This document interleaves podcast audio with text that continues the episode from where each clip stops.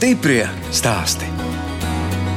Sadarbībā ar Latvijas valsts mežiem. Šis viss kādreiz būs viesunāms, bet nu, līdz tam laikam tam man jāuzbūvē vēl viena māja pašiem. Nevar taču darba vietā dzīvot. Mēs tā, tā sēžam un runājamies, un visu laiku dzird, kā tur tie mehānismi rūc, tāda mājas sirds pukst. Tas ir taisnība. Jā, mēs vairs to tā īsti nedzirdam. Pie tā pierod. Un es to saklausu tajā brīdī, tad, kad kaut kas novirzās no normas, kas sāk trūkt dobjāk vai spalgāk. Jūs teicāt, ka jūs paši sevi arī spējat nodrošināt jā, ar gaismu. Šogad, kad tādas īstas ziemas nemaz nav, arī viss siltums faktiski nāk no tās turbīnas, kas ir upē. Par krapes mūžas ūdens dzirnavām stāsta Jānis Baltačs, kas dzirnavas ogres novadā nopirka pirms 19 gadiem. Es, žurnāliste Dāna Zalamane, šoreiz tiekos ar ģimeni, kur katram ir sava darbības joma. Jānis Baltačs atjauno ūdens dzirnavas, audzē foreles un Āfrikas samus, bet Jāņa dzīves biedra Vineta Grīnberga gatavo tējas un augu eliksīrus, vāra ziepes un lejas sveces. Jānis Baltačs stāsta, ka dzimis Rīgā dzīvoju pie Mārupas, ārpilsētā. Tad, kad mans tēvs ar māti sāka būvēt tur māju, tad tiešām tur bija lauki. Mums bija govs un, un cūkas un pīles, kuras vajadzēja ganīt. Un viss tas, tā lauku dzīve vēl tajā laikā tur bija. Jā. Bet tas uzvārds Baltačs, tas nav latgalisks? Tas ir latgalisks, jā. Mans vecais tēvs nāk no Kalupes.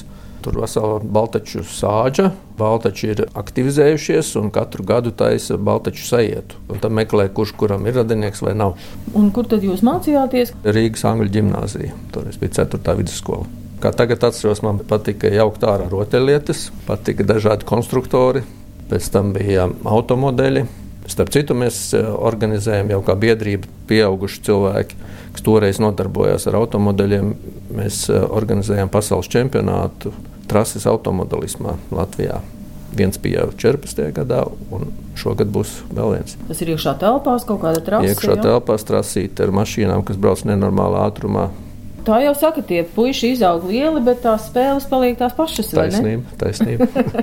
un cenšamies tagad skolniekiem ierādīt, jo inženieri jau īstenībā trūkst. Esmu inženieris celtnieks, mācījos ceļu būvi, knapi desmit gadus nostrādāju Tie bija tie juku laiki, kad uz ceļiem vairs nebija pasūtījumu, nebija naudas un nācās pārkvalificēties. Kad padomu savienība bruka, vēl tagad mēs redzam tās sekas, ka uz ceļiem naudas nepietiek. Un kā jūs nokļuvāt krapē? Bija tāds brīdis padomju laikos, kad aicināja jaunās ģimenes doties uz laukiem, stāties kolhozos, pa kolhozu naudu piedāvāja būvēt eh, māju. Un 25 gadu laikā atmaksāt pusi no tās mājas. Man tas likās ideāli. Es kā celtnieks būvēšu māju, saņemšu algu, un 25 gados jāsamaksā pusi, kas inflācijas rezultātā visdrīzāk būs ļoti niecīga summa. Mēs meklējām daudzās vietās, bet nobāzējāmies Valmieras rajonā, Cempu pagastā, kolhozā Vārpa. Vietas, kas bija paredzētas mājas būvē, bija tikai dzelzceļa mala, nevis kāda upe vai ezera mala. Koku materiāls sazāģēja, bet ko būvēt nebija. Tad vienā brīdī piezvanīja viens kursabiedrs, ogrē meklēja ceļu inženieri. Stāv tukša, piecistaba līvāna māja, jauna. Aizbraucu apstīties, tiešām stāv māja. Dzelzceļa malā gan tā pārcēlos uz Lielvārdi. Un šī teritorija, krape, bija manā pārziņā kā ceļu uzturēšanas e, inženieriem. Un tā es atradu drupas, prasīju, kam tās drupas pieder. Izrādījās, ka pašvaldībai saimnieka nav. Un tā es viņas 91. gadā nopirku. Par dārgu naudu? Par dārgu naudu tajā laikā. Otra ēka, drupas, angāra drupas, jau bija pārdota bijušiem kolekcijas biedriem par pajām, un tas pēkšņi kļuva ļoti dārgs, tad, kad es biju nopircis zemi. Visa tā sakārtošana un, un darījumi beigās izvērstās dārgi, bet nu, tā, tas ir tāds apzināts ilgtermiņa ieguldījums, tad nav ko sūkstīties par to. Te ir vieta, kur vīrietim izvērsties, kam ir tās inženiera zināšanas, ir kur likt to galvu un rokas lietā. Jā, protams, droši vien tās ir nepiepildītie sapņi, ka var visu ko būvēt un konstruēt un, un darboties. Ar ko tad jūs te sākāt tajās ūdens dzirdamās? Nu, ja jūs teicāt, te bija drupas.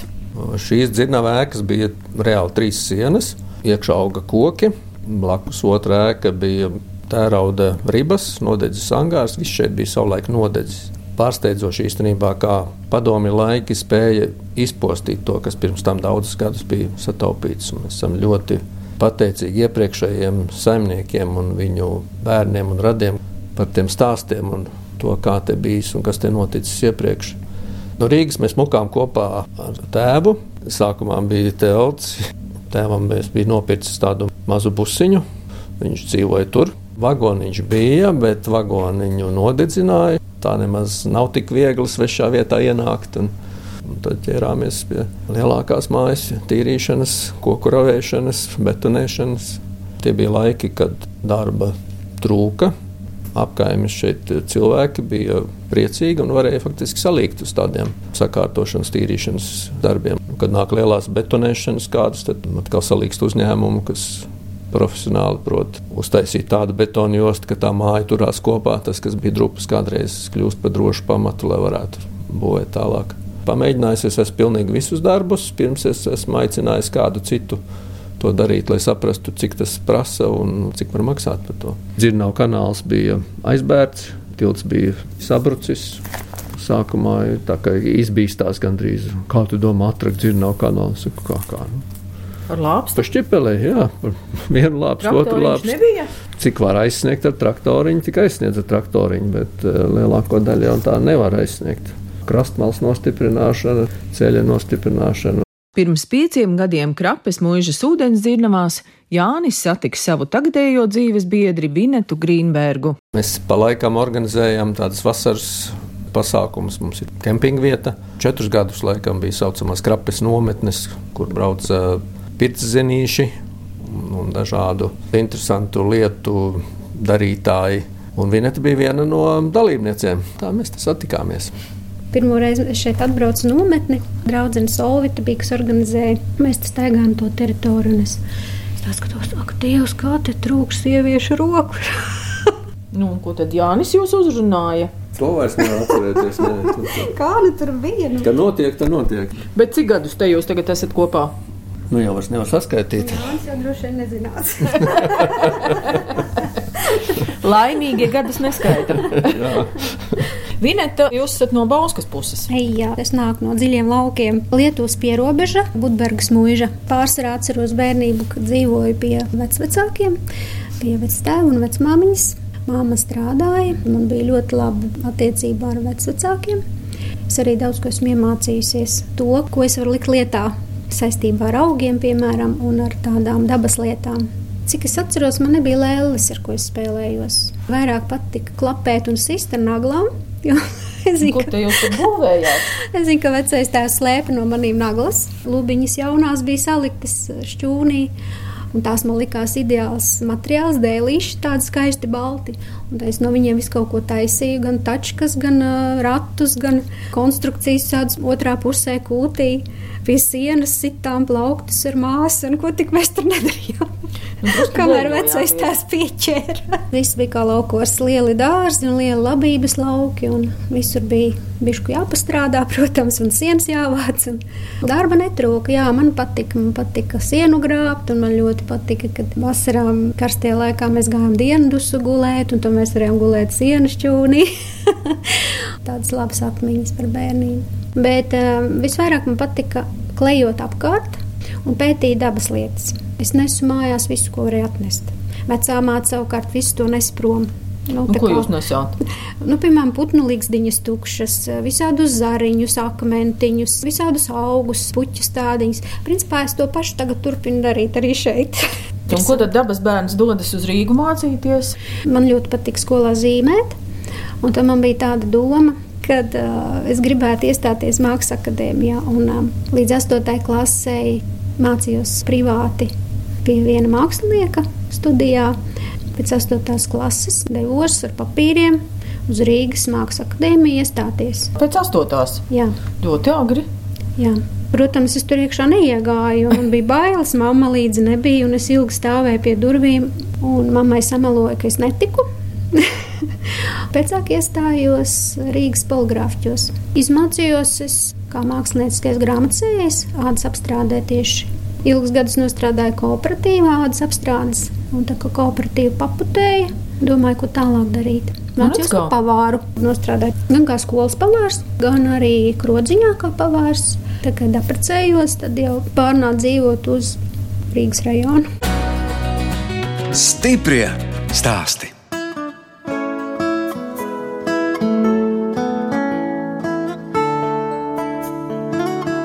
Jūs klausāties raidījuma stipri stāstī.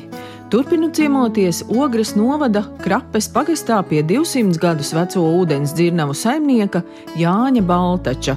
Ūdens dzirnavas uzbūvētas uz Lobes upes, un Jānis rāda, kā ūdens spēks darbina turbīnu. Šeit ir elektrības ģenerators, kas mājās saražo siltumu. Sildām ūdeni, sildām grīdas, darbinām siltumsūkni. Esam gan neatkarīgi. Jā, ūdens šeit ir apakšā 4 metru apmēram dziļumā. Vasarā, kad ūdens nav tik daudz, lai darbinātu ģeneratoru, šeit cauri nekas netek. Un šeit ir ļoti interesanta ekskursijas vieta. Tad mēs norāpjamies lejā pazemē, zem ceļa, paskatāmies to ūdens ceļu, kā viņš nāk un var sajust to ūdens spēku. Kopā ar saimnieku Jāni Baltaču dodamies apskatīt viņa izveidotos ūdens virpuļus, kas tādi esot vienīgie Latvijā. Ūdens virpulis ir um, iesākts eksperiments, noskatīts risinājums, kā ūdens enerģiju draudzīgā veidā pārvērst izmantojamā enerģijā, kas varētu būt masas ģenerators, kas ražo elektrību, vai kāda mehāniska enerģija. Un šeit pat ir divi ūdens virpuļi. Viens ir upes atveseļošanai, kur ūdens eh, tek cauri tādiem akmens krāvumiem. Viņš sagriežas tādā katvarā, iesūdz gaisu, un ūdens bagātinās ar skābekli, kas ir patīkami, protams, visām radībām, kas ūdenī dzīvo. Tad pilnīgi tā kā atvars. Šis ir tāds kā atvars. Bet jā. mākslīgi veidots, jā? Eh, tas ir mākslīgi veidots, jā, betonēts cijāpaļas eh, formas, tāds kā gliemežvāks. To jūs pats esat būvējis? Es biju uz Austriju ciemos pie inženieri, kas to ir izgudrojis.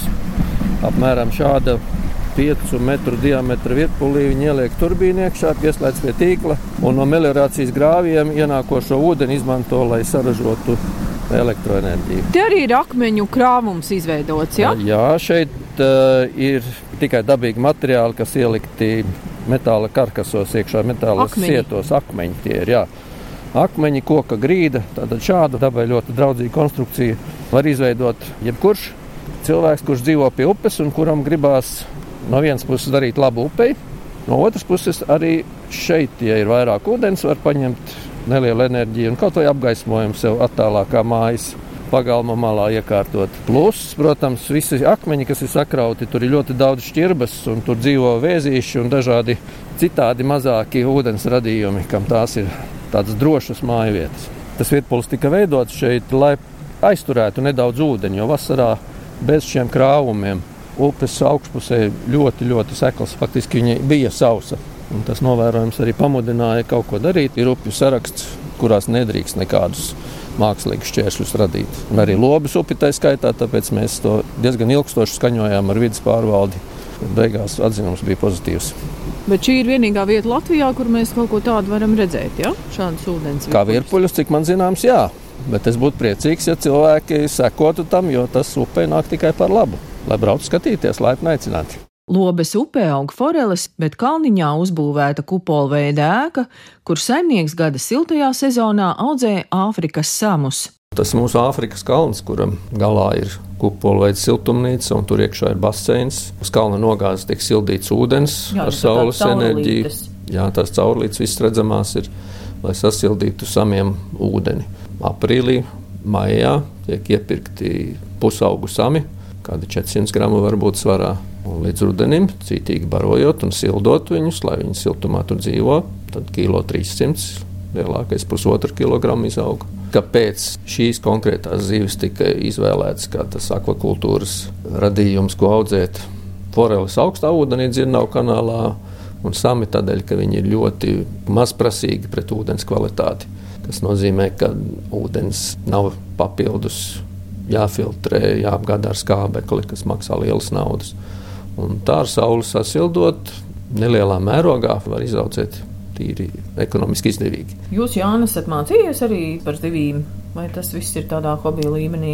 Kā lai saka, nu, man gadījās dzīvotais juku laikos, kad visu laiku nācās mācīties un pārorientēties. Kā ceļu inženieris vairs nevarēja strādāt, nebija vairs darba. Tad bija brīdis, pieteicos konkursam, izmācījos kā uzņēmējdarbības konsultants faktiski to es uzskatu par savu otru augstāko profesionālo izglītību. Bet Vineta Grīnberga vāc augus un gatavo dažādas tējas un eliksīrus. Čiekurs re, kur ir, kur ceļteka. Gan parastā ceļteka, gan ar mārsela un virsītis skaistais. Un pārējie jau nāca pēc tam eksperimenta veidā visi, jo gribējās jau pamēģināt no viena auga un no otra, un izrādās no visiem augiem nemaz tos sirpiņus dabūt nevar. Vai nu man nepatīk garša, vai nu nepatīk kaut kas cits, vai nu viņi īsti neglabājās. Patreiz tie, kas šeit ir pieejami, tie ir izturēti jau pārbaudas laiku, un tie tad arī aiziet tautās. Tas ir cidonija pulveris. Sāku es ar to, ka liku viņu klāt skābumam pie saldiem ēdieniem, pēc tam pirtī, kā skrubīti, arī, protams, miksējot ar kaut ko citu klāt. Un piparmētra ar medu, tas ir tāds šogad jauns produktiņš. Tā ir žāvēta un smalki samalta pulverī un sajaukt ar medu tējas bagātināšanai, gan uz maizītes, gan arī upenīti, protams, kas ir ļoti augstvērtīgs vitamīna avots. Tējas, nu, tas jau pats par sevi, nu, jā, vai ne? Piederās. Pats par sevi tās nāk paralēli lasot sīrupiem augus. Tējas ir vairāk kā blakus produkts un nav tik lielā daudzumā kā tie paši sīrupiņi. Jā. Jūs esat devusi tādu nosaukumu saules ziedu tēja, jā. kāpēc tā? Saules ziedu tēja, tas ir tāds, man šķiet, ļoti piemērots nosaukums tējām kā tādām, jo viņas tiek vāktas saulēnā laikā. Tad, kad viņas ir visas ziedos, atvērušās, pilnas ar ziedputekšņiem, un viņas ir visas enerģētiski spēcīgākās un bagātākās. Tas... Visas tējas ir dabā lasītas, jo nekur viņas nav tik īstas kā dabīgā vidē augušas piparmēta un kliņģa arī tās divas lietas, kas man dārzā aug. Jūs taisat ne tikai sīrupus, tējas, jums ir arī sveces. Viss, ar ko es nodarbojos, visā tiek iesaistīti augi. Un sveces arī ar augiem tiek gatavotas, sojas vaska sveces, un augi tiek izmantoti kā dekoratīvs elements. Arī ogas, protams. Tā, kas ir šitās pīlāģi ogas? Tie ir pīlādzīši, jā. Sažāvēti pīlādzīši, arī tos izmantoju, tas vairāk krāsai, bet viņš arī dod tādu kūciņas izskatu tai svecei, ka tie pīlādzīši. Un vēl viena lieta, ko jūs gatavojat, ziepes. Jā, nu ziepes ir vairāk tāds uh, iedvesmas ceļā gatavots produktiņš. Arī te ir augi klāt. Protams, augi ir arī šeit, un piemēram šī te, viņai ir iekšā tāda rozīte, un tur ir samteņu ziedi, kas dod to skaisto dzintara krāsu. Ar bērniem arī strādājam, brauc grupiņas kādreiz ar augiem pastrādājam, vai vasarā ar svaigiem augiem padarbojamies pļāvā, atpazīstam, uzzīmējam. Visbiežāk, ko ar jums kopā tad sveces lai? Jā, mēs pārsvarā lejam sveces, gaidot, kamēr viņas sacietē, mēs degustējam pļaus augu sīrupiņus, kurus es saucu par eliksīriem. Sīrupiņi netiek vārīti. Viņi tiek iztaicēti. Cik es esmu garšojis, parasti sīrupi tā diezgan saldi. Jā, arī šis ir salds. Nu, jo tas cukurs tomēr saglabā, Jā, cukurs šeit ir kā konservants. Man vislabāk patīk iet pļavā un vākt augus. Un līdz ar to es iepazīstu jaunas vietas un atrod arī ne tikai augus, bet kaut ko interesantu, piemēram, skaistus akmeņus vai lielus kokus, diškokus. Tos es arī nomēru un tad piefiksēju, nofotografēju. Tas arī man ļoti patīk apzināt šeit apkārtnē, kas mums ir saglabājies eh, no senajiem dižajiem kokiem. Un arī, protams, vecas mājvietas atrodi, tad man tur atkal interese ir pasēdēt, padomāt, kas tad ir bijis, un pēc tam painteresēties cilvēkiem, un tā veidojas arī tie māju stāsti pamazām.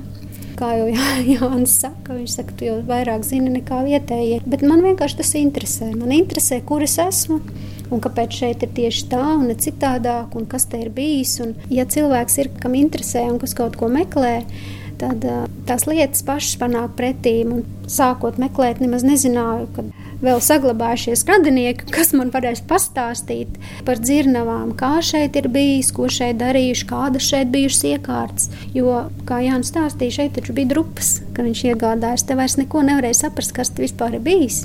Paldies Dievam, kad ir tādi cilvēki, kas labprāt arī uh, uztic tos stāstus. Jo... Jūs tos stāstus arī pierakstāt? Jā, es stāstus pierakstu. No sākuma pierakstu tāpat kā jūs. Diktafonā. un pēc tam izrakstu. Šifrējat. Uh, jā, un tad, kad man jau veidojas tāds uh, lielāks priekšstats, tie stāsti ir vairāki, kurus es varu savienot, tad jau to visus atkal mēģināšu likt vienā kopējā stāstā. Saimnieki vēl stāsta par savu pieredzi projektu rakstīšanā. Man visvairāk nepatīk tā piesaista, tā tev pie tā jāpiedomā, ko tu dari, kā tu dari, par to būs jāatskaitās. Kā tad citādi, ja jūs naudu dabūjat? nu jā, bet darbojoties ar augiem ir arī, ja tas ir paša vajadzībām, tad jau nekas, bet ja tas tiek darīts vairāk nekā ģimenes vajadzībām, tad, protams, arī visi šie izstrādājumi kaut kur jāuzglabā. Un viens no vajadzīgākajiem pirmkārt bija arī eliksīru gatavošanai katls. Pirms tam es stāvēju pie plīts un skatījos, lai tik nesāk vārīties, tad tagad man tas vairs nav jādara. Es uzlieku konkrētu temperatūru, uzlieku konkrētu laiku un varu darīt citus darbus. Tādā ziņā tas ir liels pluss. Un, protams, arī saldētava, arī žāvējamais skats.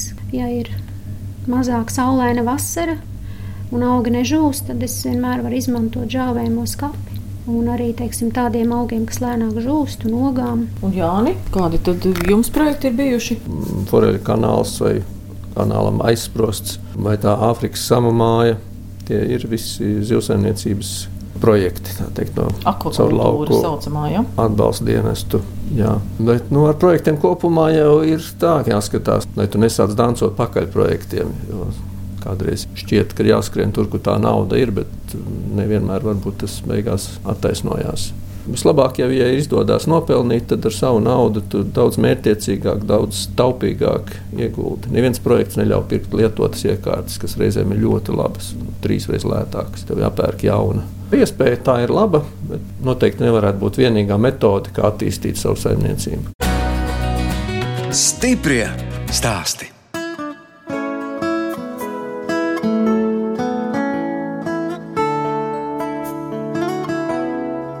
Skan raidījums stipri stāsti. Šoreiz ciemojos Ogres novada krapes pagastā pie ūdens dzirnavu saimnieka Jāņa Baltača un augu un tēju zinātājas Vinetas Grīnbergas. Viņi vēl stāsta par saviem bērniem, katram tādi ir trīs, Jānim ir arī pieci mazbērni. Jaunākais dzīvo Rīgā. Viņš vairāk eh, darbojas pa virtuālo pasauli, uztur tādus internetu podkāstus, tādas intervijas ar cilvēkiem, no kuru pieredzes var mācīties. Bet pārējie divi, vecākais dzīvo Lielvārdē, vada autoservisu, vidējais ir jūrnieks. Tam eh, ģimene dzīvo Siguldā. Viņš brauc jūrā, brauc uz tehniskiem kuģiem, uz būvniecības kuģiem, kas apkalpo būvis. Pineta, un jūs ejat drusku jaunāki? Ja? Nu, jā, man ejat drusku jaunāki. Dēls beidza ogres meža tehnikumu, bet viņam laikam tāpat kā man tas darbs tāds vairāk patīk, lai būtu brīvs. Patreiz ir devies uz ārzemēm strādāt un saka, ka ir apmierināts un ļoti labi iet. Un meita vecākā strādā Rīgā. Tāpat kā mazākā meitiņa, kura vēl mācās skolā, vecākā meita beigusi flautas klasi, ļoti skaisti spēlē. Un nu, maziņai vēl viss priekšā. Ja mēs runājam atkal par tiem vaļaspriekiem, jūs jau teicāt, ka nu, šis ir tas brīdis, kad jūs pati tā kā gribētu arī kaut ko Jā. sākt zīmēt. Sākus es esmu, es eju studiju, jau otro gadu krapē mums brauca skolotāja no blakus pagasta. Pirms tam es pabraukāju uz Madlienu, arī blakus pagastā uz, uz studiju. Kultūras namā mums ir nodarbība, un tad tie vietējās dāmas, kurām interesē, tās tad arī darbojās ar otām. Ko jūs tur vairāk zīmējat? Portretus vai klusās nē, nē, dabas? Nē, klusās dabas, protams, klusās dabas. Un, Tā jau būs kāda izstāde arī. Jā, mums ir krapēja izstāde, pagājušajā gadā arī bija. Jā, un ko jums pašam patīk darīt brīvajā laikā? Nu, es to laiku aizpildu ar dažādām tehniskām lietām. Tā saimniecības uzturēšana jau prasa savu laiku. Šobrīd es esmu viens no līdziepašniekiem uzņēmumā Kalāni, kas ir akvakultūras tehnoloģija uzņēmums. Būvējam nu, tādas ļoti mūsdienīgas zivju audzētavas ar recirkulācijas sistēmām. Nu, pat vienu lielu pabeidzām robežos pusotra gada projekts. Un šīs ūdens dzirnavas tāda kā maza laboratorija daudzām lietām. Man ļoti patīk uz Tobago braukt. Un Cik reizes jūs esat bijis? Trīs. Tiešām? Jā, sešas nedēļas kopumā. Jā. Un kāpēc? Nevar pateikt, kāpēc. Nezinu. Vienkārši cilvēki tur ļoti jauki. Sala dzīvo uz turisma ieņēmumiem, bet tas nav tāds uzmācīgais turisms, un tu nejūties kā tāds naudas maciņš, uz kuru visi tēmē. Vinetu arī ņemat līdzi? Bijām šoreiz kopā ar Vinetu, jā, pagājušā gada novembrī. Kopā ar saimniekiem vēl dodamies uz pagrabu, kur šogad tiks pabeigta pirts un sāls istaba. Nu, lūk, šis ir pirts stāvs, vai tas būs sāls spāstāvs. Varēsiet sēdēt, elpot Te būs- sāls aerosolu tur iekšā un skatīties pa logu. Paliek vēl tās tehnoloģija daļas, floatinga kamera, kas faktiski vesela istaba un vesela baseina, līdzvērtīga ūdens sagatavošanas un dezinfekcijas sistēma. Grīdas, siltais pamats, lai jūs palīdzētu uzturēt siltumu, arī sānos tie siltinājuma polsteri lai tajā kamerā būtu 36, 37 grādi. Un tiešām to var peldēt un, un nejust to atšķirību starp ķermeņa temperatūru un apkārtējo vidi. Un apakšā tur peldēs sami. Tā nu gan! Pats peldēs basēnā, vēl skatīsies uz zivīm. Iznāks ārā un Vēl, vēl izla- aplūkos, kuru labprātāk ēst vakariņās. Ja? To varēs izvēlēties šeit. Tieši tā. Šeit būs grilēšanas stūrītes, kuras saules plāksnītēm varēs viņas arī Un tas viss tepat arī notiks. Tas viss tepat varēs notikt. Jā. Un tur būs gulta, iekārta, virvēs, šūpuļgulta, kur iznākot no pirts procedūrām vai no floatinga, ļoti gribās atpūsties. Idejas top sākot no tā, kā izmantot to, kas ir dzirnavās. Mēs vairāk ejam uz to, ka cilvēkiem kā izbaudīt dienu, nevis atbraukt un nopirkt eh, servisu, kurš tev aptekalē viesmīlis, bet eh, atbraukt un ar saviem draugiem vai ģimeni vai bērniem kopā padarboties. Nu, šķiet, ka tā ir interesantāk Un kad būs tas savs spēks? uz rudeni. Es ceru, ka dēli iesaistīsies ar investīcijām, un tad tas būs ātrāk. Jā, Un terasīti jau jums te vēl arī bija plānos. jā terasītas jautājums. Aktualizējās dažas dienas atpakaļ, kad eh, bērni ar mazbērniem bija sabraukuši, un mazbērniem nav ko nostāties. Dēli tā arī saka, viņus vajadzētu tev to terasītas attaisīt, un mēs tev palīdzēsim. Šī ir pankūka zāle. Mēs nevaram atļauties restorānu, kur varbūt ienāks viens cilvēks, varbūt kādu dienu neienāktu neviens. Bet pārkūkas vasarā un brīvdienās varētu būt ļoti jauks pasākums. Cilvēki atnāk un paši uzcep sev pankūku. Mēs viņiem iedosim mīklu un pāniņu. Un viņi taisa sev pankūkas. Pankūkām var uzliet vinetes gatavotos eliksīrus virsū vai dzirnavu kanālā augušās foreles ietīt iekšā. Katrs var izvērsties pēc savas fantāzijas un idejām. Un sauksies tas viss krapes, krepes. Krepes, tās jau tā kā Francijā, vai ne? Nu, jā, uz to pusi mēs tēmējam tagad. Jā. Šajā gadā vajadzētu pirmām pankūkām būt. Šis ir tas, kas šobrīd pietrūkst, jo mēs jau neesam šeit eh, krapes mūžā vienīgais apskats objekts. Mums ir eh, izcili kaimiņi, kā skaņu māja ar mūzikas instrumentu darbnīcu vai vīna darītava lauskis. Tas ir krapes mūžā šeit, jā, senajās ēkās. Un tad, protams, pietrūkst šāda vieta nobeigumam, kur sanāk kopā apsēsties, padalīties iespējām, iedzert kādu tēju vai apēst līdzpaņemtās maizītes. Ja cilvēks iegādājas vecas ūdens dzirnavas, no kurām palikuši pāri tikai mūri, tas ir stiprs cilvēks, kas to uzņemas atjaunot. Jābūt stipram, jāapzinās, ka tu to gribi, jāapzinās, ka tas prasīs daudz laiku, sāc pa gabaliņam, pa posmiņam. Nebūs tā, ka paņemt kredītu, visu atjaunot, un tad nāks nauda. Tā nevar. Tas nav tas mērogs, un pie mums nav to ieņēmumu, kas varētu atsvērt tādus ieguldījumus. Man liekas, ka tas ir svētīgs darbs, un ja cilvēki atjauno ēkas, kuras kādreiz ir uzbūvētas, tiešām tas ir svētīgs darbs, un tas Latvijai kopumā dod lielu pienesumu.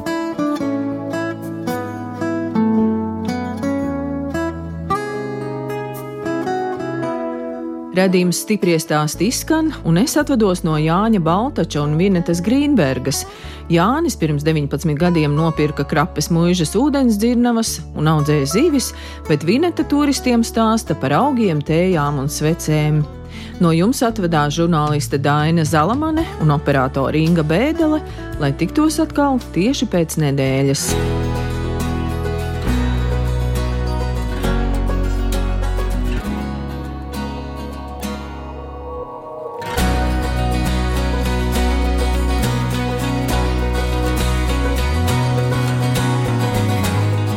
Stiprie stāsti.